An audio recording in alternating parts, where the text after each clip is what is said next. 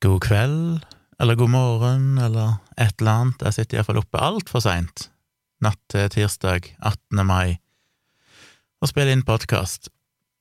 Jeg har chillan godt i dag, det er jo bare 17. mai, og meg og Tone har sittet inne i hele dag, egentlig. Ikke gjort noen ting. Sov ganske lenge. Sto opp, spiste en uh, god frokost, og egentlig bare slappa av. Sett på TV Har gjort noe annet? Nei. Ut og lufta hunden i og ne, og litt sånne ting. Jeg har jo holdt et øye med serverne til alle nettavisene som firmaet mitt drifter rundt om i det vide land, fordi 17. mai er jo den dagen i året der det er mest trafikk, og jeg var litt sånn ekstra på vakt eh, i dag, siden folk flest ikke har vært ute, så tenkte jeg kanskje det blir mer trafikk enn vanlig, fordi det meste blir dekka via livestreaming og sånne ting. Og det har vært eh, god trafikk nett, i nettavisene, men det har ikke vært noe problem med tanke på serveren, så jeg fulgte med med et halvt øye bare for å se at det ikke ble for mye last på serveren, men det var ikke noe problem. Så da slapp jeg å forholde meg til det. Uh, så ellers har det ikke skjedd så mye. Ganske seint i kveld så tenkte jeg at jeg må forberede en ny episode av podkasten, og Holdt nesten på å glemme det, for i går satt jeg i mange timer og forberedte uh, Virkelig grusomt-episoden som kom i dag. Den må dere sjekke ut hvis ikke dere har gjort det. Uh, og så plutselig var det en ny episode, men denne gangen av tomprat. Og jeg skal ta for meg uh, et par mailer denne gangen. Og den ene mailen tror jeg kanskje kommer til å ta litt tid. Jeg har fått Den er inspirert av to ting. Jeg fikk en mail for en tid tilbake fra en som spurte meg spesifikt om eh, Det var Jonny som sendte meg en mail for en par uker siden og spurte meg om Ivermektin. Han skriver hei og god formiddag. Jeg har sett en del av tingene du har lagt ut med hensyn til medisin, og må si jeg synes veldig mye av det er meget interessant lesning. Jeg mener også det du gjør er viktig med hensyn til en stadig voksende skare av konspirasjonsteoretikere. I det siste har en del bekjente av meg blitt veldig engasjert i en medisin ved navn Ivermektin, det påstås at denne medisinen har god effekt både i en preventiv fase samt i behandling av tilfeller av covid-19. Kortversjonen deres er at den nevnte medisinen holdes tilbake, og at forskning med positive funn blokkeres på grunn av økonomiske insentiver. Og så har han lagt ved en video, YouTube-video som tar for seg det. Det er ikke giddet å sett, for jeg orker ikke å sitte og se YouTube-videoer som skal forklare dette. Jeg ønsker heller å forholde meg til det som faktisk finnes av forskning og andre data jeg kan finne sjøl og sjekke. Og så har jeg jo hatt en fyr som jeg vel har nevnt uh, muligens tidligere, som har sendt meg noe greier på Instagram. Jeg får stadig vekk uh, meldinger av han, og den siste Han, han er jo en tendens basically bare Alt han deler til meg, er jo ting fra sånn uh, anti-covid-kontoer på Instagram. I det siste tidligere så delte han jo mye fra en konto som heter Faktisk ikke, som skal liksom være en sånn motvekt til faktisk.no, som Ja, jeg har sagt det i livestreamene mine og sånn før, men jeg får rett og slett vondt i hodet av den idiotien. Jeg, jeg, klarer liksom ikke helt å bestemme meg for er de så dumme at ikke de ser problemet med sine egne påstander, eller er det sånn bevisst ønske om å bare spre feilinformasjon?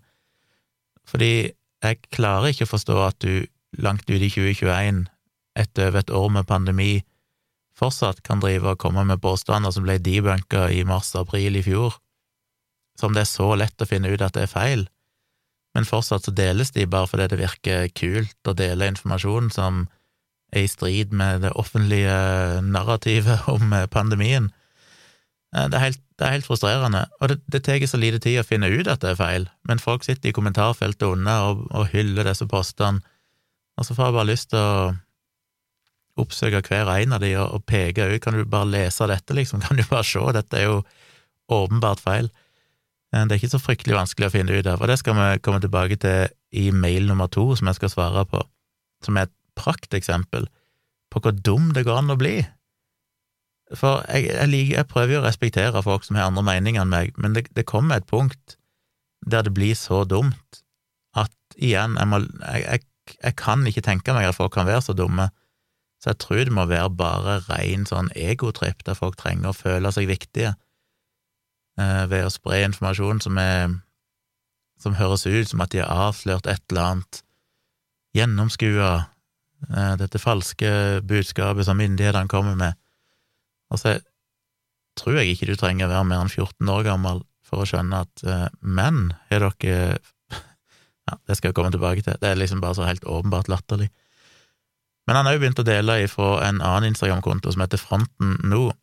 Jeg er litt usikker på hvem det er, for meg høres det jo ut Altså Fronten, jeg vet ikke hvorfor jeg assosierer det med en sånn høyreekstrem nettside. Eh, om det har noe med det å gjøre, det vet jeg ikke. Jeg kikka litt på ting de posta der, og det var mye Nei, alt er jo bare antivaksine og covid-fornektelse og sånn, ispedd litt sånn kristen fundamentalisme og Veldig høyrevridd konto, så jeg ville jo vært litt forsiktig og engasjert meg i den. Jeg vil ikke overraske meg om det er høyreekstreme som står bak, men det skal jeg ikke si for sikkert. Men den siste posten jeg fikk av han der, var jo en påstand der det står Coronavirus cases are plummeting in India thanks to new rules that promote ivermectin and hydro, hydroxychloroquine to its massive population. Of course, the, the WHO, altså Verdens helseorganisasjon, and pharmaceutical companies are having fits. This is despite the fact that lives are being saved. Og så har de en kommentar under sjøl, hvem trenger vel vaksine når vi har medisin? Så skriver han, som har delt med meg, han skriver ser ut som dette funker bedre enn vaksinering, burde ikke dette kunne rulles ut enda mer effektivt ved å medisinere de som faktisk blir syke, fremfor å vaksinere alle? Så begynte jeg å svare han på det, og så fikk jeg svar tilbake igjen, og så sa jeg bare det her gidder jeg faktisk ikke diskutere på eh, Instagram, sitte og taste på mobilen og prøve å komme med lengre utgreiing om de logiske tankefeilene han begår, og hva statistikken faktisk viser, og hva dataen på andre områder viser om dette. Så jeg skrev altså til han ehm, sjekk ut podkasten min i morgen, så skal du få et svar. Så for dere som har hørt påstander om Ivermectin, og lurer på hvorfor folk snakker om det, så skal jeg ta en liten gjennomgang. Dette er en ganske kompleks sak, hvis du skal gå inn i alle detaljer, med tanke på liksom historikken i det, så det blir litt sånn overfladisk uh, akkurat når det gjelder historien her. Men kort sagt, hva er ivermektin? Det er et legemiddel som ble utvikla allerede på 70-tallet. Så vidt jeg har skjønt, så kom de fra noen bakterier som ble funnet i noe jord som ble samla inn i en skog eh, ved en japansk golfbane. Og disse bakteriene er visstnok ikke funnet andre plasser. Eh, nå har jeg ikke satt meg mer inn i hvordan de egentlig driver og dyrker dette fram, men de har tydeligvis funnet en eller annen effekt av dette, disse bakteriene. De fant ut at det hadde en effekt i å bekjempe parasittinfeksjoner hos dyr og mennesker. Og det endte opp med at eh, de som oppdaga dette, William C. Campbell og Satoshi Omura, fikk en nobelpris for den oppdagelsen. Og det har vært en viktig medisin i alle årene siden, i 50 år. Eh, både til mennesker og dyr, men det er aller, aller mest brukt i dyr for å bekjempe forskjellige parasittinfeksjoner. Eh, men òg brukt i noen få tilstander hos mennesker, både som tabletter og òg som noe du kan smøre på huden. Men i løpet av de 50 årene det har vært brukt, så har det vært noen data som der de mener har sett at det òg kan ha antivirale egenskaper, altså det kan hemme replikering eller effekten av virusinfeksjoner på ulike måter. Og en av teoriene, eller to måter, de tror det sånn teoretisk sett kan virke mot korona, hvis det skulle ha virka, er én, at det kan kanskje undertrykke koronavirusets evne til å undertrykke våre egne celles naturlige antivirale egenskaper, altså de forsvarsmekanismene som våre egne celler bruker når de blir utsatt for en virusinfeksjon, kan, eh, kan dette, disse virusene da har jo mekanismer der de prøver å unngå disse forsvarsmekanismene som kroppen vår har, og da er det en hypotese om at uh, ivermektin kanskje svekker koronavirusets evne til å unngå disse forsvarsmekanismene, sånn at det faktisk ikke de klarer det lenger, og dermed kan immunforsvaret ta knekken på det. Den andre teorien, eller hypotesen, er at eh, ivermektin kanskje kan gjøre at dette spike-proteinet på koronavirusene, som da binder seg til reseptorer på celleoverflate og gjør at eh, viruset eller innholdet i viruset kan trenge inn i celler, eh, at det hindrer den mekanismen der, altså det hindrer spike-proteinet i å binde seg til celleoverflata. Eh, så det er de to mekanismene, sånn rent sånn hypotetisk, de mener Ivermektin kanskje skulle kunne virke. Så hva viser forskningen? Vel, allerede i mars 2020 så kom der en uh, australsk studie, og den så ut til å vise at uh, Ivermektin faktisk kunne ha antivirale effekter spesifikt da mot koronaviruset, det nye koronaviruset, SARS-CoV-2. Dette var en studie som ikke var publisert, den var ikke fagfellevurdert, men den ble offentliggjort på et eller annet vis.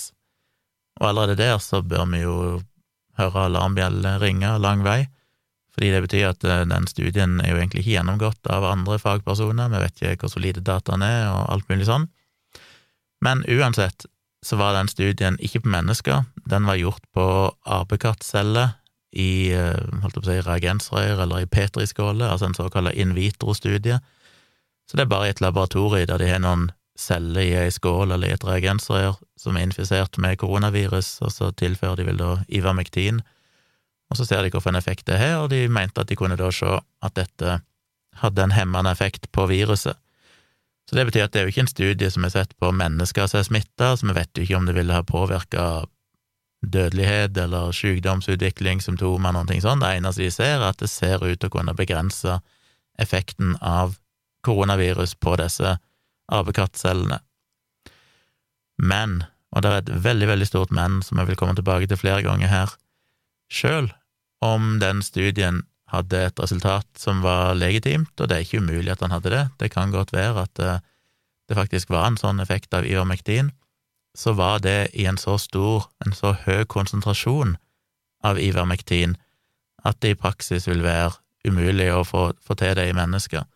Det er iallfall mange, mange, mange, mange ganger høyere enn de dosene som Ivermektin er godkjent for, med tanke på eh, i kampen mot parasitter, ifra lenge før korona eksisterte, eller det nye koronaviruset eksisterte og pandemien eksisterte. For dette Ivermektin er jo godkjent, det er jo vært gjennomgått studier for å se hvordan det virker på nettopp disse parasittinfeksjonene, og da har en jo funnet det som er liksom trygge doser og effektive doser. Men i denne australske studien så måtte de altså opp i mange, mange ganger de dosene, og da har vi ikke peiling på om det er trygt å bruke. Og eh, som vi skal se seinere, i de landene der det har vært i bruk, så har de da brukt de dosene som er vanlige for parasittinfeksjoner. Men den australske studien fant ingen effekt av ivermektin i den dosen, de måtte gange det flere ganger før de kom opp i høy nok konsentrasjon. Men den australske studien skapte jo mye opprør, dette var jo i mars 2020, altså i fjor, kort tid etter, eller basically da pandemien stort sett begynte i store deler av verden. Eh, men det gjorde jo at folk ble interessert, og i en del land så begynte de da å anbefale Ivermektin, for det var lett tilgjengelig. Det var jo fortsatt eh, ja, nesten et år før vaksiner ble tilgjengelige. Så det er klart at i land der det var høy smitte og folk var desperate, så var det noe en ønska å prøve. Kanskje spesielt i Latin-Amerika, der ble det veldig utbredt med Ivermektin. Eh, selv om de anbefalingene som kommer fra myndighetene sjøl, visstnok er blitt trukket tilbake igjen i, i, mange land.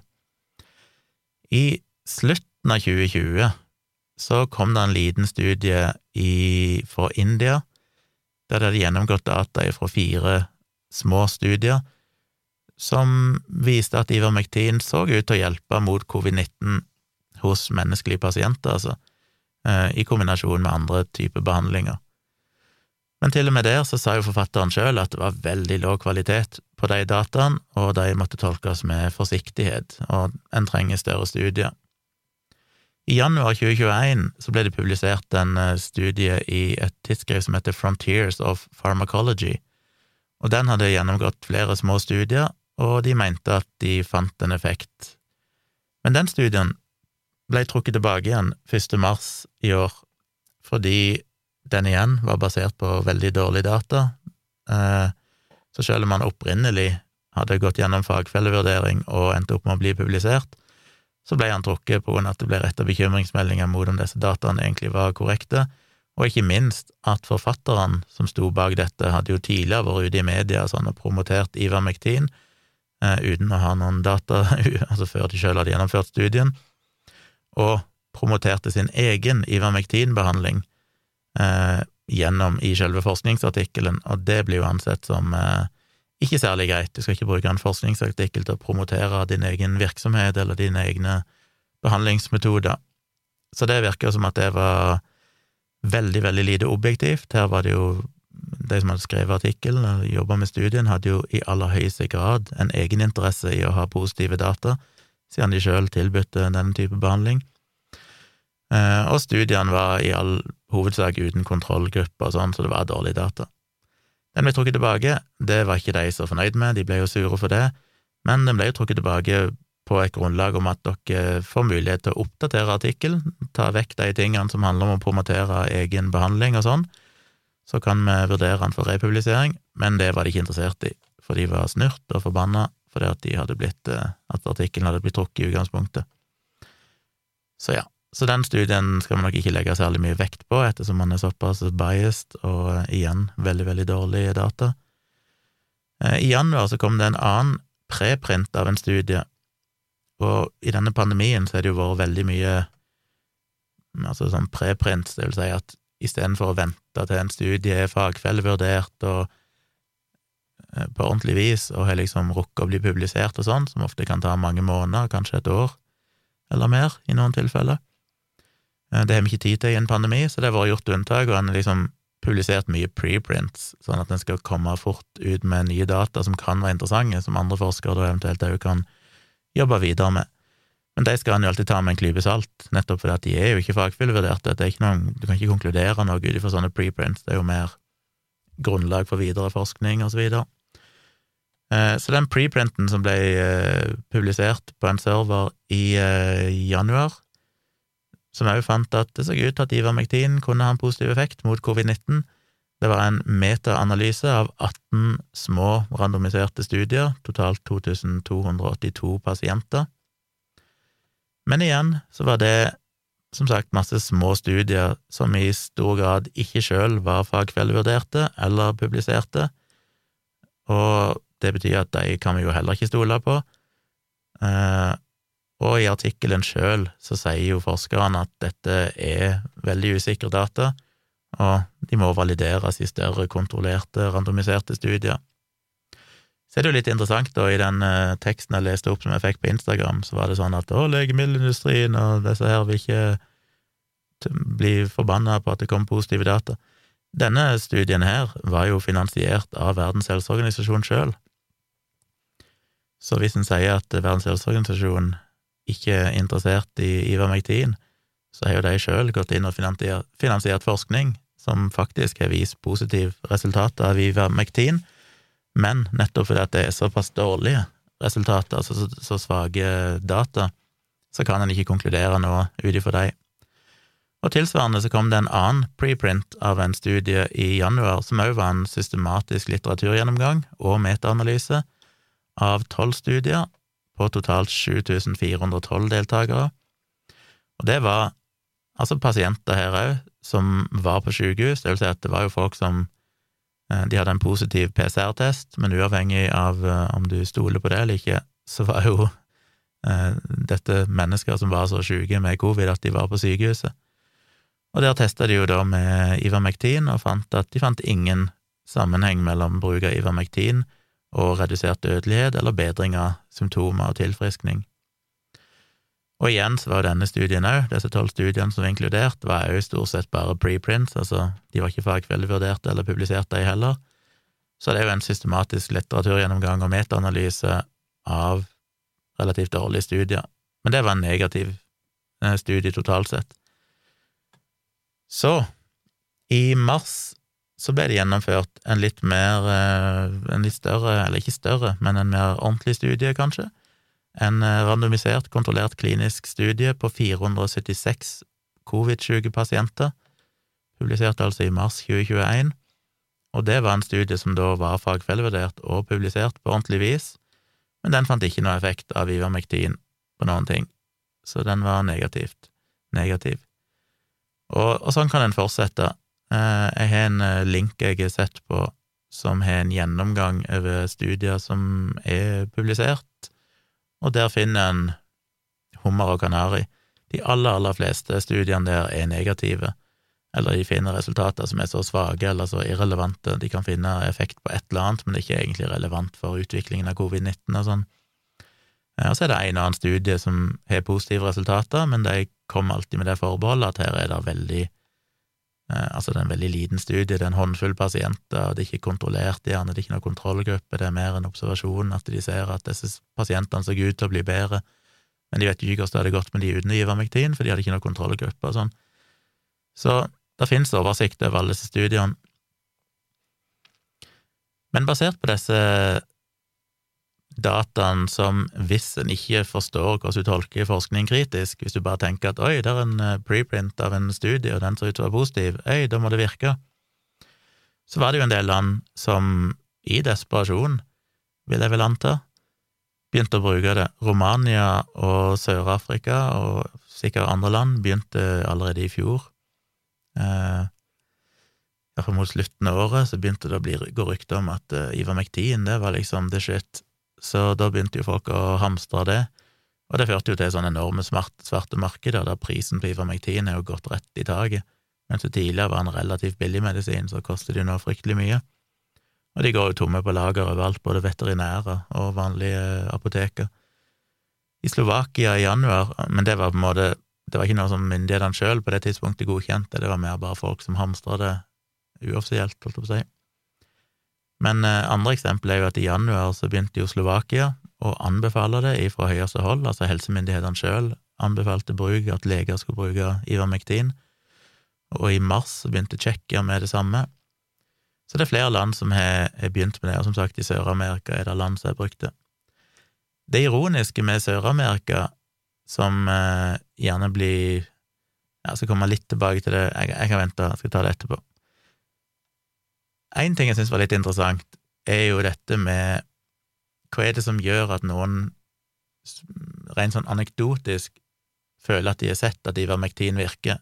For det er nok eksempler på det, at eh, folk som har vært syke i Sør-Afrika eller i andre land, som da prøver Ivermektin, og så blir de bedre. Hvordan kan det ha seg? Vel, for det første så har jeg skrevet en hel bok om det, som heter Placebo-defekten, der jeg nettopp forklarer akkurat hvorfor det skjer, akkurat hvorfor folk opplever at behandling virker, selv om det ikke egentlig virker, fordi det er så mange andre variabler som, eh, som virker inn på dette, og det er placeboeffekter, det er fryktelig mye ting. Nettopp derfor så må en ha kontrollerte studier for å kunne sammenligne med tilsvarende grupper som ikke får den behandlingen, men som tror at de gjør det, for å eliminere alle sånne variabler og det er jo ikke gjort der.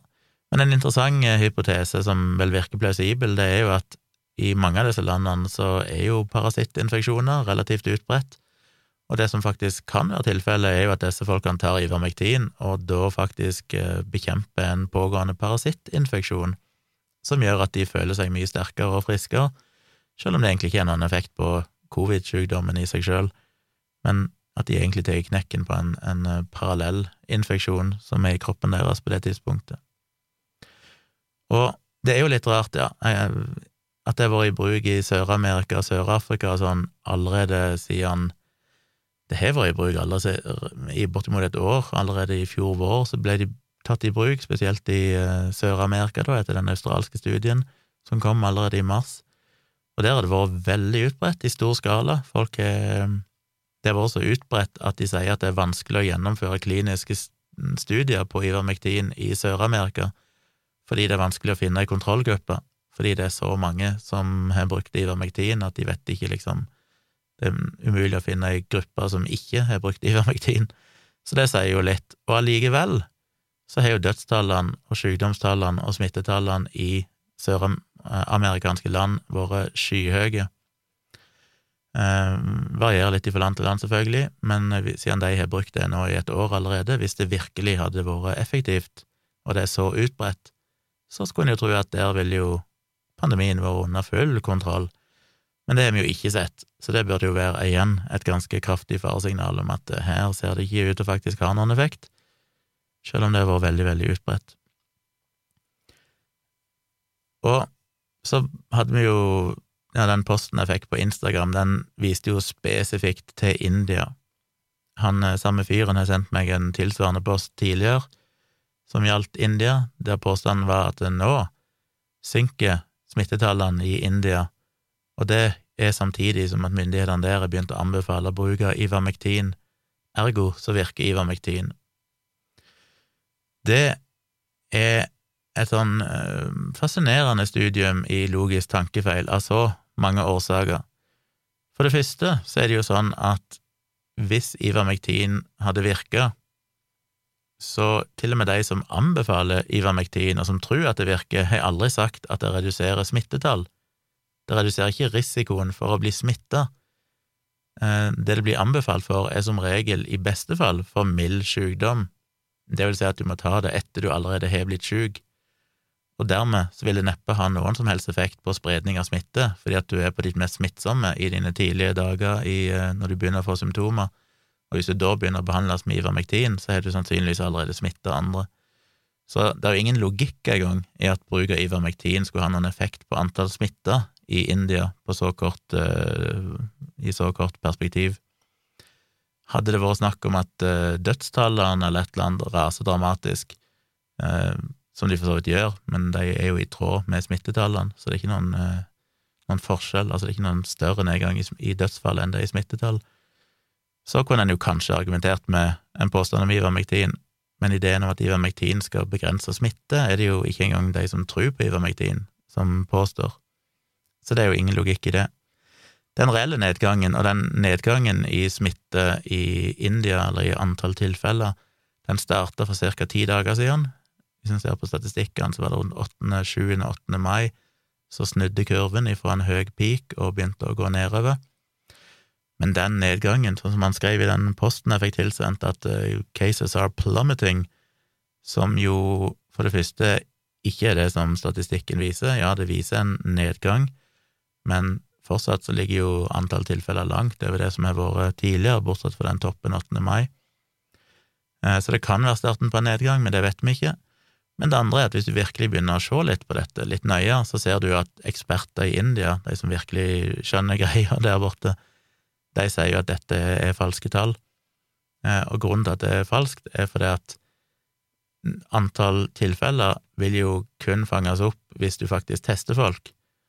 Og for det første så er testinga ekstremt dårlig, men hvis den hadde vært lik hele tida, så skulle det fortsatt være en, en viss sammenheng der. Men det en ser, er at uh, smitten nå har begynt å gå ut ifra de største byene og ut i mindre, mindre steder i India.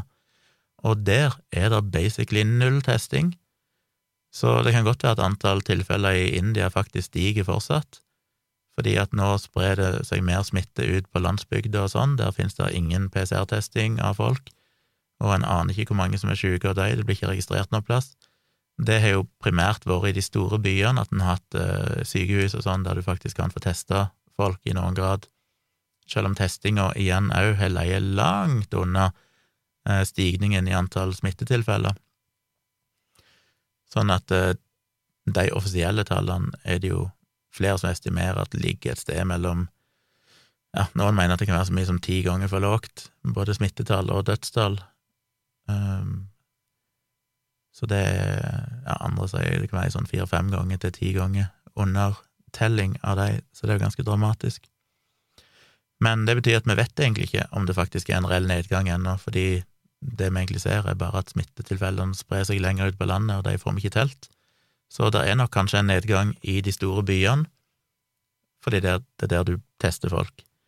Så hvorfor er det en nedgang i de store byene, da? Vel, den mest sannsynlige forklaringen er jo lockdown. I delstaten Delhi så innførte de jo lockdown fra 19. april. Etter det så kom jo andre stater med lockdown mot slutten av april, og det passer jo veldig godt sammen. Normalt når du har en sånn lockdown, så vil du gjerne gå en 14 dager før du begynner å se effekten av det, og det er jo det en egentlig ser nå i de store byene, at eh, det har gått eh, to til tre uker, og så begynner antall tilfeller å gå nedover. Um, innbyggere i India er jo ganske forbanna, mange av de, fordi de mener at myndighetene har jo ikke gjort dette, tatt det ansvaret de burde. De burde innført en nasjonal lockdown mye tidligere. Det gjorde de i fjor, tilbake i mars i fjor, eller var det april, jeg husker ikke, men iallfall for rundt et år siden så gjorde de det. Da innførte de nasjonal lockdown i perioder. Det har de ikke gjort nå, de har bare innført lockdown i forskjellige delstater, som er bedre enn ingenting, men det kom veldig seint, og, eh, ja, og det er for lite. En har sett nå at det begynner å ha en stor effekt i Mumbai, òg i New Delhi, som er hovedstaden. Så det er mye som tyder på at det er en ganske tydelig sammenheng mellom innføring av lockdown og at det nå begynner å synke i antall tilfeller. Men det gir som sagt et falskt bilde av India totalt sett, fordi at vi ser bare smittetallene for de store byene, og der går det kanskje ned nå, men sannsynligvis så øker det andre plasser der det ikke blir registrert. Um, ja. Så det jeg prøvde å si til han som sendte meg den meldingen, og det som er på en måte den store tankefeilen her, er jo den klassiske post hoc ergo propter hoc, altså at fordi B følger etter A, så betyr ikke det at A førte til B.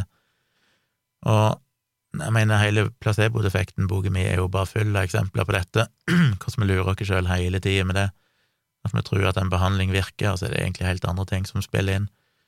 Um, så som jeg skrev til han, og som jeg uh, syns var et greit eksempel, er jo at du kunne jo like godt begynt å dele ut Dispril til alle i uh, Mumbai eller i delstaten New Delhi, og du ville allikevel ha sett en nedgang i smittetilfeller nå, hvis du gjorde det samtidig med lockdown. Det er jo lockdown som er den reelle greia, og det er jo det som er så ironisk, at den samme Instagram-kontoen som i månedsvis ser ut til å ha drevet på og posta sånn anti-lockdown-poster eh, på Instagram, når det nå er innført lockdown i de indiske byene, og det da ser ut til å faktisk ha en dramatisk effekt i de byene, så gir han æren til Ivermektin, som jo for det første i veldig liten grad er, delt ut, for det er ikke så store ressurser av det, som det i det hele tatt ville ha noen effekt, om det så virka, er vanskelig å si. Men når du faktisk ser en helt konkret sammenheng mellom lockdown og nedgang i antall tilfeller, og så kan du på en måte ikke akseptere at det kan være en sammenheng, for du har jo brukt mange måneder på å fornekte at lockdown har noen effekt, og dermed så må du liksom finne noe annet, og så er det ah, Ivermektin, men samtidig så ignorerer jo vedkommende, eller de som står bak kontoen, at Ivermektin har vært brukt i et år i andre land, i Sør-Amerika, i Sør-Afrika, og der har vi ikke sett den samme effekten. Men det er bare å ignorere de, og det er så klassisk cherrypicking. Du finner et eller annet sted på jordet der det er tatt i bruk et legemiddel, og så ser du en positiv effekt omtrent samtidig, og så sier du at se her, bevis for at ivermektin virker, men så ignorerer du, bare lukker øynene, sier ingenting om alle andre plasser på kloden der de har prøvd det samme, og det viser seg å ikke virke, fordi de ikke har innført lockdown i samme tidsrom, som jo faktisk er det som har en effekt. Ganske frustrerende. Så det siste han skrev til meg, han fyren, var vel at eh, hvis han eh, fikk mulighet til å bruke Ivermectin, så ville han gjøre det hvis han ble sjuk med covid-19. Han skal vel sikkert ikke ta vaksinen, antar jeg. Og da er jo spørsmålet, eller han tenker at men hvorfor ikke, det er jo ikke farlig. Og jeg skrev vel til han at uh, uansett så er det jo mye bedre å bruke vaksiner som uh, vist ikke noen alvorlige bivirkninger, uh, heller enn å bruke Ivermectin, som faktisk er knytta opp mot bivirkninger. Det er klart det er et klassisk eksempel på at det er slitsomt å ta den diskusjonen på Instagram, for det er så mange forbehold fram og tilbake. Covid-vaksinene vet vi jo, og det er jo snakka mye om i denne podkasten. Eh, det har vært alvorlige bivirkninger fra AstraZeneca, muligens også for Janssen-vaksinen. Og derfor, som jeg òg støtter, så har den blitt tatt ut av bruk i Norge, fordi at i Norge så er det så lite smittetilfeller på grunn av de smitteverntiltakene vi har hatt, at risikoen er for stor Eh, risikoen er jo mikroskopisk fortsatt av AstraZeneca, sånn at ja, en kan jo peke på tusen ting som er høyere risiko i hverdagen enn akkurat det, men allikevel, når du skal sette deg opp mot risikoen fra covid-19 hos unge folk i Norge, så kan en faktisk argumentere for at risikoen ved vaksinen er høyere, og dermed eh, Selvfølgelig er det gitt antall uh, uker du må vente, for går det lang nok tid, så blir risikoen for covid-19 faktisk høyere enn for vaksinen. Men det gjorde jo FHI noen utregninger på, og konkluderte med at tilbudet om andre vaksiner vil komme såpass fort at det er bedre å vente med AstraZeneca. Um, I andre land, som i India, så er jo ikke det et regnestykke som holder vann. Der er det jo definitivt tryggere å ta AstraZeneca enn risikoen for covid-19. både fordi det er ekstremt mye mer smitte, og fordi behandlingstilbudet hvis du faktisk blir syk, er ekstremt mye dårligere. Mangel på oksygen, mangel på behandling generelt sett, mange som ikke engang har et sykehus i nærheten de kan komme seg inn på.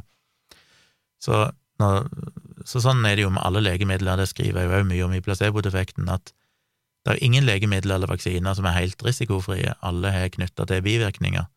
Det du alltid må vurdere, er jo dette, denne balansen mellom bivirkninger versus eh, risiko eh, ved å ikke ta vaksinen eller det legemiddelet. Og akkurat nå, i Norge med AstraZeneca, så går den i favør av at AstraZeneca burde stoppes, som han ble, men i India, for eksempel, så går jo definitivt det regnestykket i favør at du bør fortsette å bruke AstraZeneca, fordi risikoen ved ikke få den vaksinen er mye, mye høyere enn den veldig lille risikoen for en bivirkning fra vaksinen.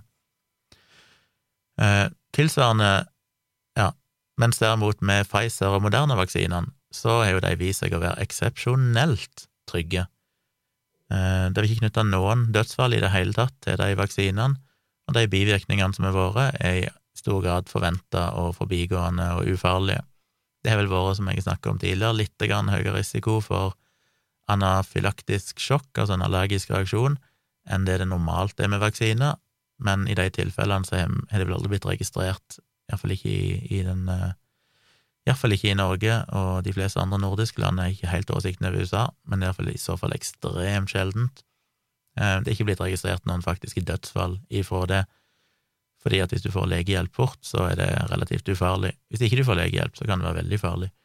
Men uh, det er jo derfor du skal vente i 20 minutter til en halvtime etter du har fått vaksinen, nettopp fordi at den bivirkningen oppstår i løpet av noen minutter og da kan du få legehjelp, og da går det som regel bra. Så det er veldig trygge vaksiner. I India så er det jo vel eh, litt usikker på hvilke vaksiner som er brukt der, om det er primært AstraZeneca Ja, det er ikke helt oversikt over. Men som sagt, i den situasjonen de er, så er jo det et bedre alternativ enn å ikke få vaksine. Men jeg sa til han at eh, vaksinene uten bivirkninger, så er jo det som sagt noe som må nyanseres. Eh, Pfizer og Moderna er praktisk talt uten alvorlige bivirkninger. Det samme gjelder jo ikke AstraZeneca, men samtidig så er jo den fortsatt bivirkningene der ekstremt mye lavere enn risikoen ved å ikke bli vaksinert. Så hva er status da for Ivermektin? For det er jo veldig utbredt eh, Altså, det informasjonen på nettet sier jo at Ivermektin er veldig trygt. Det er veldig liten risiko ved å ta Ivermektin. Og det er for så vidt sant. Det er sjeldent at du får alvorlige bivirkninger ved bruk av Ivermektin, men det er hvis du tar det i de dosene som er anbefalt, altså i den det det er godkjent for, som jeg tror er noe sånn 12-13 milligram eller sånt, hvis jeg husker rett. Men eh, det er gjort studier, og de studiene er jo publisert mange år før pandemien, så det er jo ingenting med covid å gjøre. Altså, det er ikke noen, er ikke noen som prøver å skremme folk, det er ikke noen legemiddelindustri som prøver å skremme folk for å bruke det mot covid, for dette er jo publisert fryktelig langt tilbake, helt til 90-tallet og sånn. Så er det studier, hvis en begynner å lete, som, som går gjennom dette med bivirkninger fra Ivermektin, og der kan det være ganske alvorlige bivirkninger. Det er relativt Det er ikke vanlig, det er fortsatt sjeldent, men de mest vanlige bivirkningene er gjerne ting som svimmelhet, eh, oppkast, eh, skjelving, i noen tilfeller folk havner i koma, og eh, andre vanlige bivirkninger er diaré, magesmerter, hevelse i ansikt og andre lemmer, eller og lemmer, epileptiske anfall, er kanskje feil, seizures, hva vil det være, altså sånn, ja, en seizure, Uh, jeg glemte å google det, hva egentlig det er på norsk. Iallfall, dere vet hva jeg mener. Svimmelhet, plutselig fall i blodtrykk, alvorlig utslett som krever sykehusinnleggelse, balanseforstyrrelser, skade på leveren og dødsfall. Så alt dette er jo ting som er registrert i forbindelse med bruk av ivermektin, men i stor grad så ser det ut til å være knytta til eh, to ting, enten overdose, altså folk som har sett tatt for mye av det, eller interaksjon med andre legemidler de tar. Så det er ikke egentlig i og for seg bivirkninger som er knytta til vanlig trygg bruk av Ivermektin. Men så er vi tilbake igjen til det vi snakka om innledningsvis, da, at den australske studien og det de fleste eksperter på dette legemiddelet sier, er jo at jo da, En har jo sett tegn til at det kan ha antivirale effekter, men det er altså i vesentlig høyere doser enn det som er godkjent og trygt hos mennesker. Så det betyr at hvis en skulle bruke Ivermektin mot covid-19, så må du opp i doser som er så høye at da begynner jo disse bivirkningene å bli høyst gjeldende, for dette er jo bivirkninger en har sett hos folk som nettopp tar for høye doser av Ivermektin. Da snakker en altså om besvimelse, oppkast, koma, dødsfall, leverskade osv., osv. Så så det er jo et eh, godt tegn på at dette ikke er anbefalt. Og hvis en skulle bruke Ivermektin i en sånn eh, Altså, det er ganske tragisk at de driver og anbefaler i forskjellige land, inklusiv India, eh, enkelte steder i India der de begynte å anbefale Ivermektin, fordi det er jo ikke et legemiddel du skal bruke, for eksempel hvis du da bruker andre le legemidler. Et, uh, en ting de ofte eller trekker fram, er jo at hvis du bruker blodfortynnende midler, så kan det være farlig å bruke Ivermektin. Det er heller ikke testa og vist å være trygt hos uh, gravide eller ammende, for det kan gå over i morsmelke. Og det er heller ikke testa og vist seg å være trygt hos uh, barn under 15 kilo, var det vel. Det betyr ikke at det nødvendigvis er farlig, men det er ikke godkjent for det bruket, for det ikke blir testa. Som igjen er litt sånn ironisk, at de samme folkene som bruker som argument at å, vi kan ikke gi vaksine til barn, for det er jo ikke testa og godkjent hos barn. Eh, nei, det er jo heller ikke det vi gjør, vi vaksinerer ikke barn før det faktisk er godkjent og testa hos barn. Eh, tilsvarende med gravide og sånn. Men det er jo akkurat det de anbefaler med Ivermektin. Det er heller ikke testa og godkjent hos gravide og ammende eller barn, og allikevel så mener de at dette bør da tydeligvis alle få. Det var én ting om de ga Ivermektin til folk, og folk visste risikoen, altså de visste at de må ikke gå på andre legemidler som de kan ha en interaksjon med, eh, de må ikke være gravide, ikke ammende, alt mulig sånn, men når de begynner å bare massedistribuere det, og det havner på det svarte markedet, og folk bare hamstrer det og kjøper inn og, og tar det, eh, ikke bare når de er syke, men også forebyggende, som betyr at folk kan ta det da i veldig lang tid, som heller ikke er trygt. Det er ikke godkjent for det heller, så vidt jeg vet. Det er jo en, en skal gi som varer i fem dager, tror jeg, normalt, og det er det det er godkjent for. Hvis du fortsetter å ta det uke etter uke, liksom preventivt mot covid-19, så er jo det heller ikke en godkjent og trygg bruk, og det vil sannsynligvis føre til nettopp mulige alvorlige bivirkninger hos en del. Så det er jo ren galskap. Så de som, sånn som han som sendte meg den meldingen, som er på en måte for Ivermektin, må i det minste kunne anerkjenne at hvis de skal være redelige og si at de samme reglene må gjelde som for Ivermektin som alle andre legemidler og vaksiner Vi har jo ekstremt strenge regler for vaksiner, de må jo gjennom en, en fase tre-studie, og så må de dataene godkjennes av eh, fagpersoner, fagmyndigheter, før vaksinen kan tas i bruk. Der må du se både på effekt, og du må se på bivirkninger. Med Ivermektin så er jo det gjort for lenge siden, men da i doser som er mye mindre enn det en ser har effekt mot eh, virus, og som sagt da ikke på barn og gravide og så videre. Og en annen stor forskjell er vel at det er ikke noen kontraindikasjoner for de vaksinene, ja, det er mulig det, det er jeg ikke helt sikker på, eh, for bruk av forskjellige typer legemidler, og du skal ikke få vaksinen hvis du går på ulike legemidler, men det er i så fall noe som blir gjort i kontrollerte former, fordi at du oppgir jo det. Når du kommer inn og skal få vaksinen, så må du svare på en del spørsmål, eh, og eh, du får ikke vaksinen hvis du ikke blir ansett for at den er trygg for deg å ta. Det vil jo ikke gjelde med Ivermektin, der de bare massedistribuerer det ukritisk til befolkningen, og du får ikke den kontrollen. Det er jo litt morsomt at han skrev til meg at uh, han hadde aldri hørt om noen alvorlige bivirkninger for Ivermektin. Uh, for det første, Nei, det har han selvfølgelig ikke, for han har jo heller ikke sjekka det.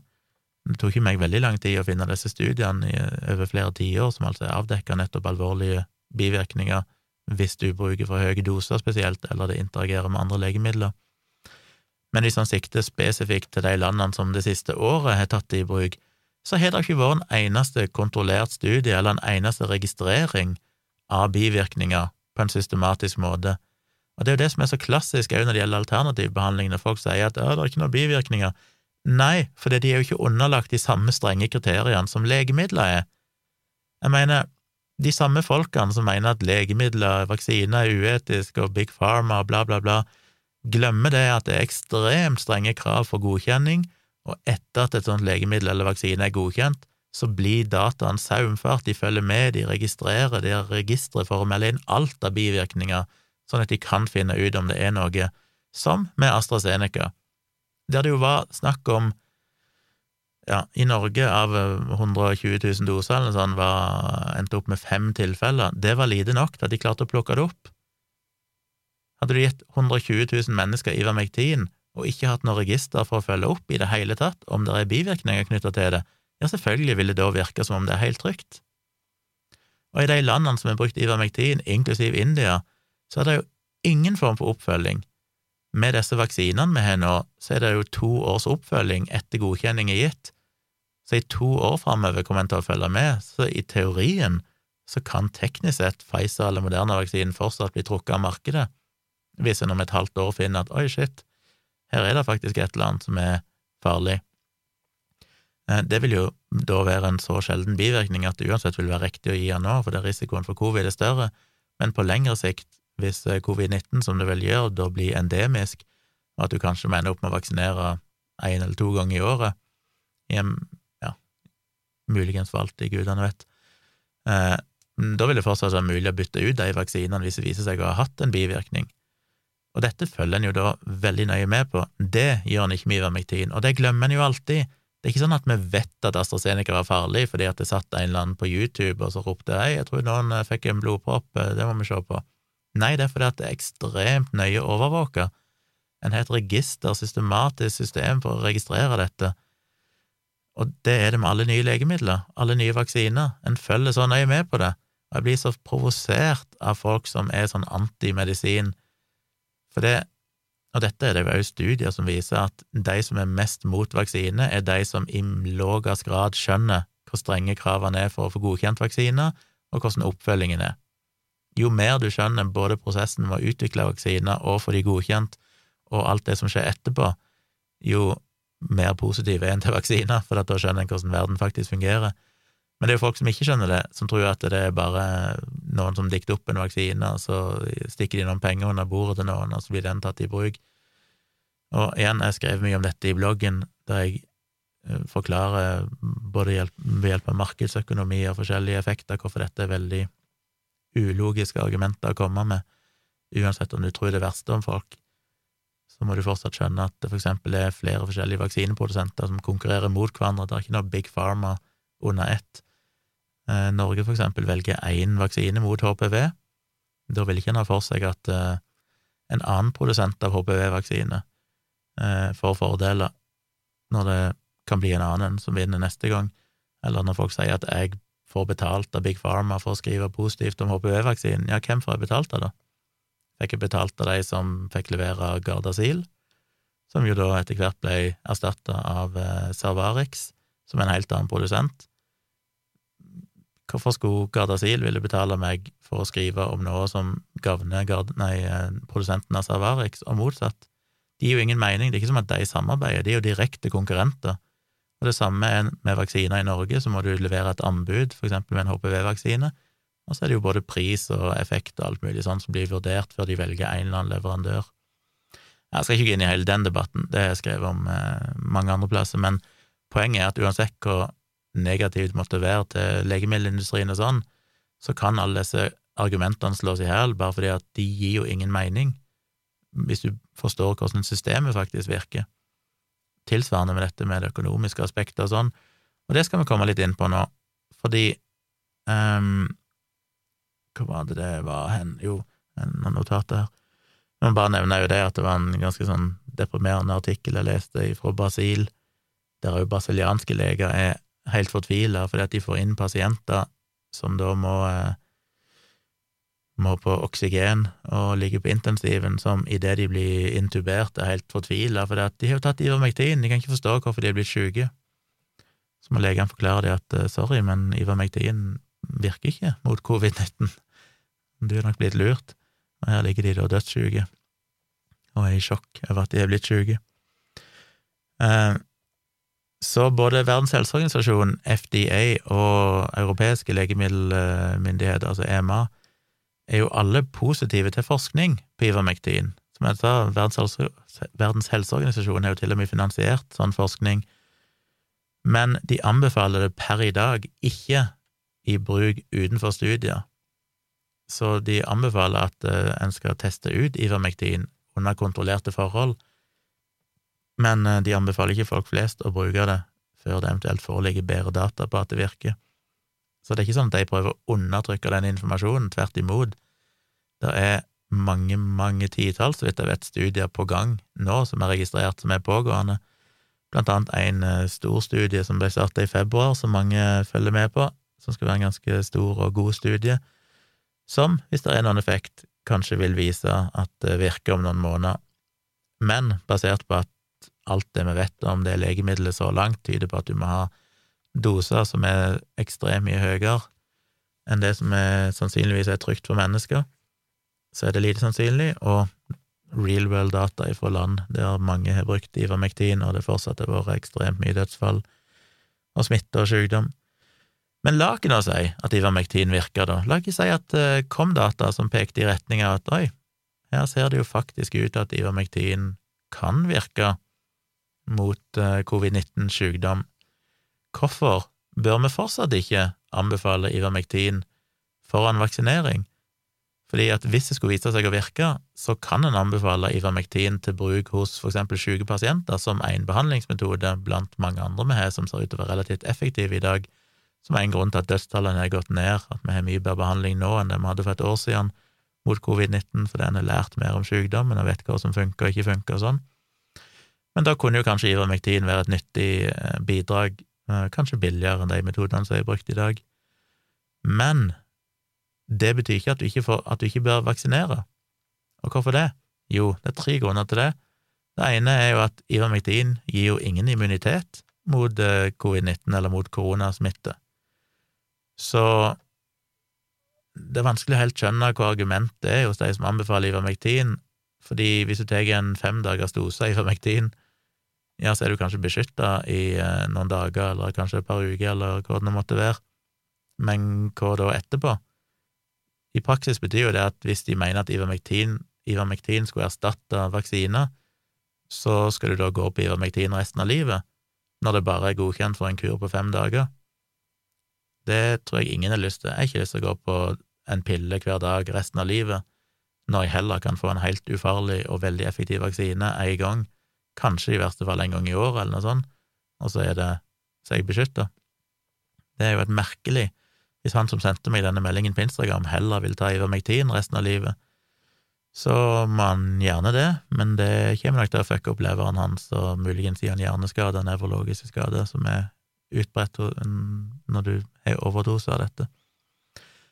Eh, men nummer to, kanskje han sier at ja, men jeg skal ikke bruke det fast, jeg skal bare bruke det hvis jeg faktisk blir syk. Ok, men det gir fortsatt ingen immunitet. Du kan kanskje behandle symptomene, men du blir ikke immun mot viruset. Vaksiner gir deg faktisk immun mot viruset, uvisst hvor lenge, men sannsynligvis i mange måneder. Ivermektin kan kanskje behandle deg når du er blitt syk, men uh, du blir jo ikke immun, så det betyr jo at hvis du får covid-19 og behandler deg, så er du kanskje begrensa immunitet så lenge uh, immuniteten får den naturlige sykdommen varer, og det vet vi òg er kanskje noen måneder, men mye tyder jo på at vaksinene har lengre immunitet enn det sykdommen gjør, så der er uansett vaksine å foretrekke, samtidig som du da slipper å bli syk, som jo er en god ting. Og det er jo det viktige med vaksiner, som folk kan tendens til å glemme i disse debattene, at om vi så fant en behandling som var ekstremt effektiv mot covid-19, så ville den først kunne brukes når folk allerede er blitt syke. Og når de er blitt syke, så skjer det to ting. Én, de får symptomer, og ja, kanskje noen får behandling fort nok til at det ikke blir alvorlig, men husk, i store deler av verden så vil ikke det være mulig, de vil fortsatt kunne risikere å bli alvorlig syke før de får tilgang på ivermektin eller andre typer behandlinger. Men nummer to, som jeg nevnte tidligere, du har jo da sannsynligvis smitta andre. Hvis du bor i et hus med en familie, hvis du går på jobb, hvis du går på skolen, så er du sannsynligvis smitta andre allerede før du får symptomene, så det er når du begynner å behandle deg selv med ivermektin, så er du allerede smitta andre, og dermed vil ikke ivermektin ha noen som helst effekt på utbredelse av smitte i landet. Det vil bare holde gående en sånn kontinuerlig eh, smittesirkel der du fortsatt har et enormt høyt smittepress, og folk er vekke fra jobb, eh, og noen eh, vil sannsynligvis bli alvorlig syke fordi de ikke får tilgang på Ivermektin fort nok, videre. Det vil jo ikke ha noen effekt på pandemien, du vil fortsatt ha en pandemi som bare fortsetter og fortsetter, eh, og så unngår du kanskje at folk dør, men det er jo alt du unngår, i beste fall, og det, da er jo bare plasser der folk, faktisk folk har tilgang og råd til Ivermektin. Eh, og det tredje er at det òg, på toppen av det hele, ikke ser ut til å virke. Om det virker, så er det i beste fall, og det sier jo til og med de som er pro Ivermektin, så er det jo primært snakk om milde, folk med milde symptomer. Um, så igjen, hvis jeg kan velge å ikke bli sjuk, eller få en behandling som faktisk ser ut til å ha en god effekt, så vil jeg jo heller det enn å ta sjansen på Ivermektin, som i beste fall kanskje ser ut til å ha veldig, veldig begrensa effekt. Sannsynligvis ingen effekt, men uh, skal en være ekstremt optimist, kanskje en veldig svak effekt. Så det er veldig få grunner til å bruke Ivermektin sjøl om det skulle vise seg å virke, uh, annet enn som en tilleggsbehandling for syke mennesker, i tillegg til at en vaksinerer folk. For det er kun vaksiner som kan få slutt på selve pandemien. Det er kun vaksiner som virkelig vil få ned antall dødsfall i verden. Ivermektin vil aldri kunne påvirke det i noen betydelig grad. Så det er fryktelig korttenkt av de som promoterer Ivermektin og hevder noe sånt. De har virkelig ikke tenkt seg nøye om og skjønt hva dette egentlig innebærer. Men så har du jo det økonomiske argumentet igjen, at alt jeg sier er bare løgn fordi at jeg er lurt av Big Pharma, og de vil selvfølgelig ikke at folk skal bruke Ivermektin, for de vil heller selge vaksinene sine. Igjen så holder ikke det vann av to grunner. Én, en vaksine selger de én eh, eller to doser per person, i utgangspunktet. Foreløpig er det ingen garanti om at de selger noe mer enn det. Ja, kanskje viser det seg at vi om et år må ha en påfyllsdose, men det er det ingen garanti for. I utgangspunktet så selger de da for eksempel Pfizer, der du krever to doser, de selger to doser til per person. Det er det salget de har fått, det er det de har tjent på den vaksinen. Hadde de solgt Ivermektin, så hadde de jo tjent ufattelig mye mer, for da kunne de gitt det kontinuerlig hver gang noen ble syk, gang på gang, over flere dager. Noen vil jo ta det preventivt, som kanskje vil hamstre Ivermektin og bare kjøre på i i månedsvis, kanskje resten av livet, fram til de eventuelt får, for alvorlige bivirkninger. Altså, salget Men det er jo det evige argumentet når det gjelder vaksiner, som jeg òg snakker om i foredrag og jeg skrev om i bloggen og vist tall på, at det legemiddelindustrien tjener på å forebygge, forebygge en sykdom, er i de aller fleste tilfeller ekstremt mye lavere enn det de tjener på å behandle en sykdom. For eksempel meslinger, der en meslingvaksine koster, ifølge noen tall, som er litt gamle, men jeg tror det ikke endrer seg så mye i USA. Vi snakker om to dollar eller sånn cirka på en vaksine, som et barn får to ganger, vel, tror jeg. Eh, så kanskje de tjener fire dollar på et barn som blir vaksinert, mens det de tjener på å selge utstyr for å behandle en meslingssyk, med alt som kreves av eh, materiell og medisiner og alt dette her, er snakk om flere tusen ganger mer i inntekter. Så selv om du reduserer det til å si at eh, ja, men du vaksinerer jo alle mot meslinger, mens uh, syke er jo bare de få som blir syke Vel, for det første, hvis ikke hadde behandla Hvis ikke du hadde vaksinert befolkningen, så vet vi jo at her spriker tallene, da, men uh, alt ifra en 15 uh, i noen tilfeller opp mot 50% av de som blir smitta av meslinger, blir jo faktisk såpass syke at de ender opp og måtte havne på sykehus. Det så vi i USA i det, 2015, mens eh, utbruddene i New York og Disneyland og sånn, da havna vel rundt 30 av alle som ble smitta, endte jo faktisk opp på sykehus fordi de får komplikasjoner som lungebetennelse og sånn, som skal behandles, så det koster gjerne flere tusen dollar. Um, hvis du vaksinerte folk flest og bare så på de som allikevel blir syke, uh, fordi det er noen ja, Nei, det er et dårlig eksempel, fordi folk blir primært ikke syke av uh, Eller hadde ikke blitt det hvis mange nok var vaksinert. Eh, men selv om du deler det ut sånn, så ser du at tallet er såpass mye høyere på å behandle en sykdom at de uansett ville tjent ekstremt mye mer på å behandle meslinger enn å vaksinere mot meslinger. Men igjen så er det jo markedskreftene som eh, Markedskreftene, og kanskje at vi må ha en viss tro på at uh, det finnes godt i mennesker som jobber i legemiddelindustrien òg. De har jo familie, de har jo barn som de ønsker å unngå skal bli syke av meslinger. Uh, men så fort noen kommer med en vaksine, så er det klart at uh, om du da tenker bare en jævel og tenker at ja, men jeg vil heller la folk bli syke og tjene mye mer penger på å behandle de, så er det ikke så mye valg lenger, for da hadde det plutselig kommet en annen aktør med en vaksine som folk heller vil ha, og da må du nesten òg kunne lage en vaksine for å kunne konkurrere. Så det gjelder jo her òg. Eh, en ville nok hatt mye mer igjen for å gamble på å selge Ivermectin i eh, uendelig tid framover enn på vaksinene. Um, men det andre argumentet, som jeg synes er litt morsomt, er at Merk, som jo er de som produserer den, den merkevaren som heter Stromectol, som er på en måte merke... Altså den Hva heter det? Ja, en merkevare av Ivermektin. Ivermectin. Ivermectin er jo på en måte bare legemiddel i seg sjøl, sånn generisk, mens Merk produserer Stromectol.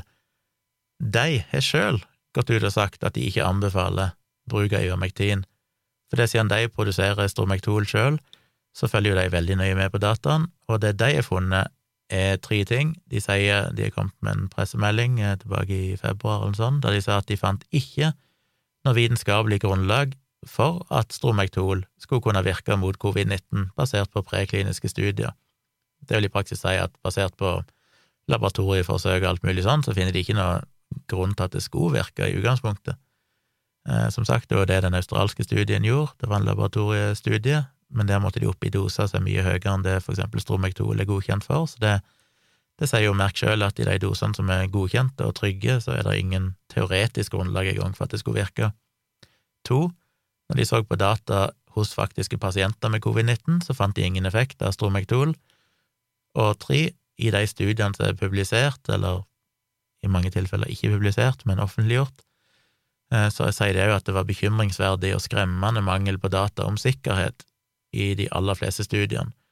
Så selv de små, relativt dårlige studiene som ser ut til å finne en effekt, har ikke undersøkt bivirkninger og risiko i noen særlig grad, som er jo et eksempel på nettopp hvor mye bedre det er med de fase tre-studiene på vaksiner. Vaksiner er jo faktisk veldig, veldig grundig undersøkt, både med effekt, men òg bivirkninger, òg risiko. Men de studiene som altså skal vise at ivermektin virker, ser basically ikke på om det kan være farlig. De har bare prøvd å finne ut om det kan virke.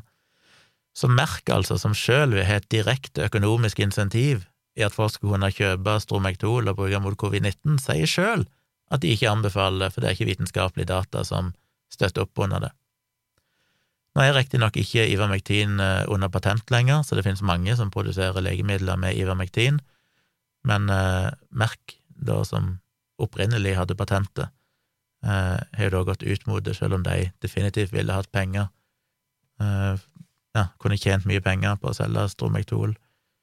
Så det syns jeg jo er ganske fascinerende. Så det er mange grunner til at de der økonomiske argumentene ikke stemmer. For det første, som jeg sa, disse helsemyndighetene, sånn som Verdens helseorganisasjon og andre, er jo faktisk med å finansiere forskningen, for de ønsker faktisk å finne ut om det virker. Merk, som er direkte økonomisk insentiv i å selge Ivermectin, anbefaler ikke sjøl. Um, ehm, og det tredje har jeg allerede glemt vekk, så det får vi droppe. Mente jeg hadde tre ting der, men uh, Ja, og det siste tingen jeg må si om Merk, som jo er helt sentralt, er jo at de har ingen koronavaksine. De var jo tidlig ute i racet og prøvde å utvikle en koronavaksine, men de kom egentlig ikke noen vei med det, så de måtte skrote det. Så det er jo et argument for at uh, En kunne jo kanskje sagt at ja, men Merck vil jo heller selge vaksinen sin enn Stromektol, men de har ingen vaksine. Det eneste måten de kan tjene penger på covid-pandemien, ville være å selge Ivermectin, altså eller Stromectol, som det kalles, men de fraråder altså sjøl det. Så det syns jeg er ganske interessant. Så etter alt det, hva kan vi oppsummere det med? Vel, Data fra virkeligheten peker ikke i retning av at ivermektin virker, det har altså blitt brukt ganske utbredt i blant annet eh, Latin-Amerika, Sør-Amerika, uten at det ser ut til å ha noen eh, effekt der, det er ikke tatt knekken på noen pandemi. Den eh, i gåsehud positive effekten en har sett i India, er for det første sannsynligvis falsk. En skal ikke ta de dataene veldig stole for mye på de dataene om at det nå er en nedgang, for det, at det som sagt ser ut til å være i byene, og for det er kun der du egentlig har skikkelig testing, mens det kan godt være at det er en økning i resten av landene ute på landsbygda og i mindre byer og sånn. Eh, de studiene som har vist at det virker, kan en ikke stole på, Og det som er så frustrerende når jeg sier det, at folk tenker at ja, men du, du liksom bare avfeier studier som ikke sier det du Eller som er strider imot det du mener. Jeg har jo ingenting imot Ivermektin. Hvorfor i all verden skulle jeg ha noe imot Ivermektin? Hvis jeg hadde funnet noe som helst som overbeviste meg om at Ivermektin var effektivt, så ville vel jeg for all del ha promotert det. Jeg hadde ikke hatt noen grunn til å gå ut og si at øy, det, det må vi ikke bruke. Ivermektin er et legemiddel som Dispril, som Valium. Jeg er for legemidler som virker. Hvorfor i verden skulle jeg hatt noe imot Ivermektin spesifikt? Og jeg er jo nå òg 100% for Ivermektin som behandling hvis det viser seg å virke. For all del, ta det i bruk. Men som jeg sa tidligere, selv om det virker, så vil det jo fortsatt ikke kunne erstatte vaksiner, fordi det gir ikke immunitet og alt dette her. Ehm, vi må fortsatt ha vaksiner for å bekjempe pandemien, men det vil jo være fantastisk om Ivermektin kan bidra til å redusere risikoen ved å få covid-19. Men som sagt, data fra den virkelige verden tyder ikke på det. Studiene ser ikke ut til å understøtte det. Det finnes som sagt de som sier at disse studiene, eh, eller at det er forskning som viser at det virker, de peker jo bare på de studiene som har vist en effekt, som da er små, upubliserte, ikke fagfellevurderte, videre men de unngjenger jo å liste opp alle de utallige studiene som ikke fant noen effekt av ivermektin. Hvorfor er ikke de viktige? Fascinerende at jeg aldri hører noen av de engang peke i retning av dem, selv om de òg ligger tilgjengelige der ute. Så vi vet, vi kan ikke si noe med sikkerhet den dag i dag. Eh, Verken Verdens helseorganisasjon eller FDA eller EMA, ingen av de sier at ivermektin virker ikke. De sier vi har ikke nok data per nå men det pågår fortsatt forskning. Men ut ifra alt det jeg har lest om det, dette med at du må ha så høye doser at det sannsynligvis er farlig for mennesker å ta, og det er jo veldig vanlig med legemidler, det er jo derfor bare en ja, det, en promille eller noe sånt av alle kjemikalier som en ser ut i laboratorier til å ha en effekt. Eh, det er bare en én av tusen eller noe sånt som ender opp som faktiske legemidler fordi selv om det viser seg i et reagensrør å kunne bekjempe et virus, eller det kan eh, drepe kreftceller, eller det kan gjøre et eller annet, så må det jo fortsatt vise seg å ha den samme effekten i menneskekroppen. For eksempel med ivermektin så er det jo sannsynlig at du må få dosene høye nok i lungevevet, for det er primært der du får skadene fra covid-19. Så for å få høye nok doser spesifikt i lungevevet gjennom tabletter, så må du ta veldig, veldig høye doser, som sagt. Det er ikke nok at du bare får litt Ivermektin i magesekken din, og så er det greit. Det skal jo faktisk nå fram til de rette plassene i kroppen. Og der stopper jo ofte veldig mange legemidler som viser seg å ha effekt hvis du påfører direkt, det direkte på infiserte celler i et reagenser, så ser du at oi, dette virker jo. Men i menneskekroppen så skal du faktisk få det samme legemiddelet fram akkurat der det trengs, gjennom blodet, og da må du kunne gjøre det med en dose som er såpass liten at ikke du tar skade av det, og da klarer du ofte ikke det. Eh, så det er jo et problem, eh, i tillegg til at ja, du skal ikke ha bivirkninger og sånne ting, det får du ikke heller sett om du bare gjør det i petriskål i laboratoriet, og det skal faktisk virke godt nok på de spesifikke tingene du vil det skal virke imot, så det er jo det som stopper de aller fleste legemidler for å bli noe av, det er det at menneskekroppen er ekstremt mye mer kompleks enn det du kan gjøre i et laboratorie. Det er jo derfor en først må ha fase 1-studier for å først sjekke hvor mye tåler folk fase to studier for å se om de i det hele tatt har en effekt og sånn, og i fase tre studier for å virkelig i store studier sjekke om eller i store antall mennesker, se om det er både trygt og har en effekt. Og de aller fleste legemidler faller ut allerede i fase 1-studiene, for det viser seg å ikke være trygt nok. Det vil jeg nok se her òg, vil jeg jo anta. Så selv om jeg skal holde døra på gløtt, så vil jeg ikke være spesielt optimistisk, og som sagt, selv om det virker, er det ikke noen erstatning for vaksiner, for det er helt annen et helt annet område det vil være effektivt på. Så det håper jeg var en gjennomgang av ivermektin som var noenlunde forståelig, og som ga dere litt bakgrunnskunnskap. Jeg eh, har fryktelig mange linker, jeg kan ikke poste alt det i, eh, i shownotes, det vil bli altfor mye, men jeg har det jo i notatet mitt her, så hvis det er noe jeg har sagt som dere spesifikt ønsker å se en kilde på, så får dere heller sende meg en mail til tompratpodkast med c at gmail.com tompratpodkast i ett ord at gmail.com, så skal dere få eh, det dere måtte ønske av kilder til de spesifikke påstandene. Jeg holdt på i over en time, men jeg vil allikevel, siden jeg hinta om det i starten, gå over på mail nummer to, som eh, Hvorfor er det jeg finner den mailen? Jo, der. Ifra ei som heter Oda, som sendte meg en mail her for et par dager siden. Hun sier jeg har som de fleste av oss disse dager en vaksinemotstander i vennelisten på Facebook. Vedkommende gjør ingenting annet enn å dele poster og kommentere på sosiale medier hvor grusomme covid-vaksinene er. Denne linken blir mye brukt for å underbygge argumentasjonen i det siste. Ja, så er det en link. Uh, ifølge min Facebook-venn er det 4400 som har dødd av vaksine i Danmark. Hadde vært kult om du kunne kommet med noe god slakt av denne kilden i en episode. Og da er vi over på det som jeg mener er så sånn hinsides idiotisk, som er akkurat det samme som både Faktisk ikke og denne her Fronten.no, disse to Instagram-kontoene som han fyren driver og sender meg linker ifra, eller poster ifra, driver med hele tida. Som er bare eh, Jeg må bare panneklaske meg sjøl så hardt. Den linken går til en eh,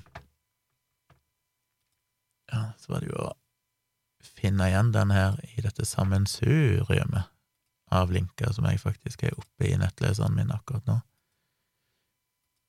Hvor i all verden ble den av? Um, nærme meg. Der. Som er Ja. En blogg som heter Howard's Opinion. En dansk blogg, ser det ut til. Eller er det det? Litt usikker. Det er masse norske flagg på bakgrunnen. Kanskje det er norsk uh, faktisk en norsk blogg. Ja, det er det nok. Eller? Jeg vet ikke. Jeg har ikke sjekket hvem som står bak den. Det ser ut til å være mye rart poster her. Eh, en ny blogg oppretta denne måneden, mulig han har bare en bloggpost, for alt jeg vet. Men det tar for seg et brev som er sendt til Ja, som vanlig så er det jo til Menneskerettighetsdomstolen i Haag, ser det ut til. The International Criminal Court. De er så selvhøytidelige, disse folkene. Vi er jo det samme i Norge. Folk som skal stille Mener at den norske stat, myndighetene, bør siktes for Menneskerettighetsdomstolen for brudd på menneskerettighetene og bla, bla, bla. Men eh, det er jo snakk om det de kaller for war crimes her, da. Og mener kort sagt at basert på at de er kontakta svenske Jeg tror det er tilsvarende Statistisk sentralbyrå i Danmark, mener jeg så det er en dude som heter Lars, som er organist i Den danske kirke, altså en høyst kompetent fagperson, som har sendt en henvendelse til Statistisk sentralbyrå, eller et eller annet sånt, til danske myndigheter iallfall, om å få ut noen tall. Nei, Statens serumsinstitutt, hva er det? Tilsvarer det Legemiddelverket i Norge? Jeg er ikke helt sikker. Det er ikke så nøye. Det er iallfall noen eh, danske myndigheter, og har sendt en henvendelse og bedt om å få utlevert antall dødsfall etter vaksinering i Danmark. Og det har han etter litt mas tydeligvis fått. De har sendt han en helt uh, Det ligger jo innskanna kopier av, mail, av mailen eller brevet i bunnen av bloggposten her, og der får han de tallene han ber om. og det er antall dødsfall innen 30 dager etter første dose av vaksinen, og antall dødsfall innen 30 dager etter andre dose av vaksinen. Og det svaret han får, er at eh, jo, det, er, det var 2423 rapporterte dødsfall innen 30 dager etter første dose av vaksinen, og det var 1992 rapporterte dødsfall innen 30 dager av eh, andre dose av vaksinen.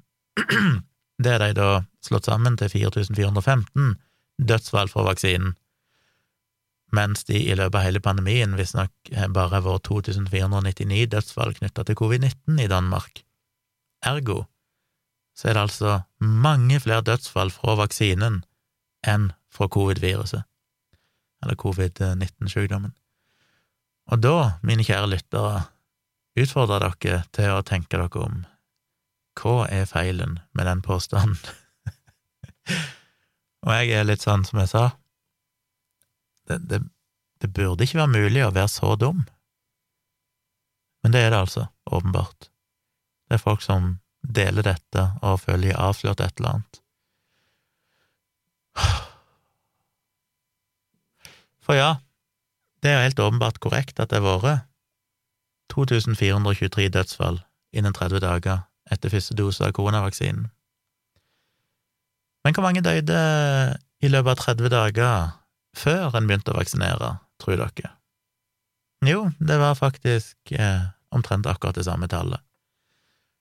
For det de da tror her, er tydeligvis at hvis du vaksinerer noen, så vil de alle mennesker slutte å dø. Folk vil ikke lenger dø av alderdom, de vil ikke dø av kreft, de vil ikke dø i bilulykker, de vil ikke dø av noen ting som helst, for hvis du får en covid-vaksine, så blir du udødelig.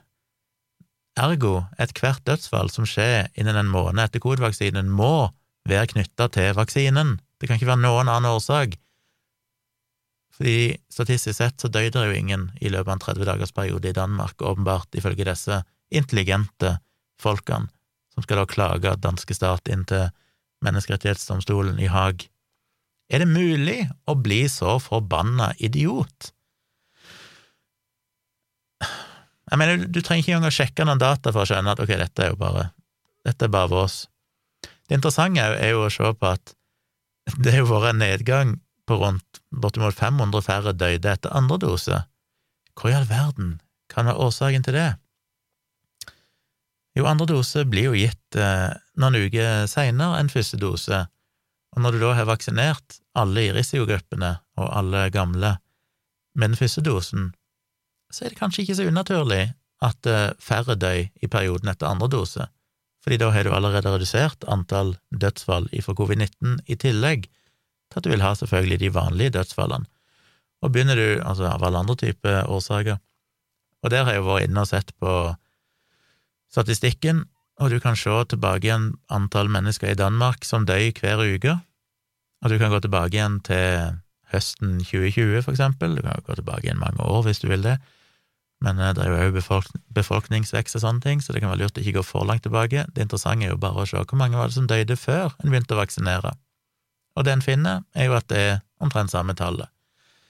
Og dette har de jo regna på, og de har funnet at i perioden fra slutten av desember og fram noen uker inn i det nye året, så var det for første gang overdødelighet i Danmark. Og det var på grunn av covid-19. Men den overdødeligheten starta jo flere uker før de begynte å vaksinere. Ergo så er det ganske godt gjort hvis du kan skylde de dødsfallene på vaksinering, når de ikke engang hadde vaksinert noen på det tidspunktet. Men hva ser du i det øyeblikket det er gått noen få uker etter at vaksineringa er starta, når de har vaksinert alle gamle mennesker og alle i risikogrupper? Jo, da synker antall dødsfall ned. Er faktisk litt lavere enn det som er vanlig, fordi vi ikke får de vanlige dødsfallene fra influensa sånn som det normalt er i et vanlig år, men på grunn av lockdown og smitteverntiltak og sånn, så er jo de dødsfallene for influensa sunket til nesten null i de fleste land så dermed går en faktisk litt unna normalen. Men det er altså færre som dør etter vaksinering enn de som døde før vi begynte å vaksinere. Allikevel så sier de at alle dødsfall etter vaksinering må regnes som et vaksinedødsfall. Og det er altså flaut. Jeg, igjen er jeg ganske sikker på at uh, du ikke trenger veldig mange år på grunnskolen for å stort sett gjennomskue dette. Men det er ufattelig hvor mye støy de dummeste menneskene blant dere klarer å gjøre, i all sin desperate kamp etter å fremstå som marginalt intellektuelle, og på den måten bare drite seg så totalt ut. De peker selvfølgelig òg på antall bivirkninger. De melder om 36 000 bivirkninger etter vaksinering, så det er ikke bare dødsfall, men folk blir jo tydeligvis alvorlig syke og de kommer jo noen sånne ekstreme rapporter, at hvis du da ekstrapolerer disse dødstallene, så må vi jo anta en katastrofe i løpet av de neste månedene for vaksinering i Danmark. Store deler av befolkningen vil jo åpenbart dø. Uh, ja, vi får jo se hvordan det spiller seg ut. Men som de samme torskerne i Norge som peker på disse bivirkningsrapportene, så gidder de jo ikke å De viser jo med link til det rapporten er, men de ignorerer jo det som faktisk skrives i rapporten som jo er at stort sett alle disse bivirkningene er jo milde. Det er jo snakk om smerter på stikkstedet, det er snakk om kanskje lett feber, eh, kanskje litt hodepine, litt slapphet, eh, diaré, sånne ting som er forventa, og som oppstår i en en viss prosentandel, noen få prosent. Det er jo 36 000 bivirkninger, er jo veldig lite når det er vaksinert eh, gitt halvannen million doser i Danmark. Fram til 10. mai, iallfall. Litt flere nå. Så det vil jo si at det er fryktelig Det betyr jo at det er en enorm underrapportering av bivirkninger. Selvfølgelig er det det. Jeg mener, jeg gikk jo ikke rapportert en bivirkning fordi jeg fikk vondt i stikkstedet, men hvis du blir med i en undersøkelse der du skal krysse av for ting, så gjør du gjerne det, og da kommer du med i en bivirkningsrapport men det er det jo ikke langt på nær alle som gjør, ergo så blir jo de færreste bivirkningene rapportert, men det er jo nettopp fordi de er totalt ufarlige. Hvis det faktisk er så alvorlig at du havner på sykehus eller noe, så blir det jo registrert. Og det er jo da det egentlig burde registreres, og det er jo da det faktisk er relevant. Så det de skriver, hvis du går inn og faktisk ser på den samme fuckings rapporten som de sjøl lenker til i dette, denne bloggposten, så står det jo Legemiddelstyrelsen har, like som i andre lande, mottaget innberetninger om dødsfall etter vaksinasjon. Legemiddelstyrelsen har foreløpig mottaget og vurderet 61 innberetninger der omhandler dødsfall i tiden omkring vaksinasjon. I alle 61 tilfeller er det legemiddelstyringens vurdering at det er mindre sannsynlig at det er en sammenheng med vaksinen, og at det er overveiende sannsynlig at dødsfallene skyldes andre forhold. Så alle disse dødsfallene um, de rapporterer Skal vi se ehm, Ja. Så det de finner, er jo at det er bare Det er ikke 4500 dødsfall eh, som er knytta til vaksinene, det er 61 som faktisk har skjedd på en måte som er forenlig med at det kan ha vært en vaksinebivirkning. Det vil si at alle de andre dødsfallene er jo da naturlig død ifra alderdom. Det er folk som har vært syke med andre sykdommer, de har kanskje hatt kreft, de har kanskje blitt påkjørt av en bil, de har kanskje dødd i ei ulykke. Alt mulig av dette her, det er jo bare dødsfall, det står ikke, det er jo ikke 2423 dødsfall knytta til vaksinen, det er bare 2423 dødsfall etter vaksinen. Men i 61 tilfeller så har de faktisk funnet bekymringsverdig nok til at her er det et eller annet mistenkelig med dødsfallet, og de måtte gå inn og vurdere dem men de har funnet overveiende sannsynlig at ingen av de faktisk var knytta til vaksinen. Så, ja. Uansett hva en måtte tro og mene om det, så er jo det store poenget her at du kan ikke bare ta alle dødsfall etter en vaksine og si at de skyldes vaksinasjon, for da antar du at folk slutter å dø etter vaksine, og det gjør du jo selvfølgelig ikke. Forhåpentligvis slutter jo de fleste å dø av covid-19 spesifikt, som er det eneste vaksinen faktisk har noen effekt på, men alle andre dødsårsaker vil folk fortsatt dø av, akkurat som før de fikk vaksinen. De skriver òg at uh, i Norge så er Pfizer-vaksinen overlegent den mest dødelige. Selv om det er flere bivirkninger fra AstraZeneca, så er det Pfizer som definitivt tar mest liv. og det synes jeg er ganske fascinerende at de kan skrive det, og ikke sjøl skjønne at de akkurat der slår beina under sitt eget argument, for hvis det er mest bivirkninger fra AstraZeneca, men det er overlegent flest dødsfall fra Pfizer, og Pfizer tilfeldigvis er den vaksinen det er gitt overlegent flest av i Norge. Det er jo gitt marginalt eh, antall AstraZeneca-vaksiner sammenlignet med for eksempel Pfizer. Så burde de kanskje skjønt at eh, ok, her er det kanskje ikke noe med vaksinen å gjøre. Hvis du bare teller antall dødsfall av de som er vaksinert, så vil selvfølgelig Pfizer ha flest dødsfall, hvis du bare regner alle dødsfall som Pfizer-relaterte. Så allerede der så burde det jo ha gått noen alarmbjeller, og de burde tenkt at oi, her er kanskje resonnementet mitt eh, litt eh, på jordet. De skriver òg at uh, further it is now proven by a scientific study that the vaccination will have clear negative effects on the fertility of those who are vaccinated. Som er litt morsomt, for de gir jo ingen kilde, men det viser jo bare at de ikke skjønner forskning, fordi nei, det er ikke en eneste publisert studie som viser at det er noen negative effekter på fertilitet. Det de viser til, med nesten 100% sikkerhet, er en artikkel som er publisert, en vitenskapelig publisert artikkel som jeg selv har gjennomgått tidligere, der det var en som la fram en hypotese om at det kanskje kunne være en mulig bivirkning, men det forelå ingen data som tyda på at det faktisk var reelt, og nå har vi jo nærmer vi oss jo et år med data fra vaksinerte med blant annet Pfizer-vaksinen, siden de første som ble vaksinert i studiene, ble vaksinert i slutten av juli i fjor. Og vi har vaksinert eh, en milliard mennesker verden over. Og det er til og med folk, ja, apropos det, det er jo til og med folk som var med i disse fase tre-studiene på Pfizer og Moderna-vaksinene, som var gravide og har født barn, nei, som har blitt gravide etter de var med i, i disse kontrollerte studiene, som jo òg viser at det neppe så ut til å ha noen effekt på fertiliteten. Men det var bare en hypotese, det var ikke noe som var basert på faktiske data som viste at det var sånn. Men disse tre skallene som skriver denne, denne anmeldelsen til Menneskerettighetsdomstolen, de skjønner jo ikke sånt.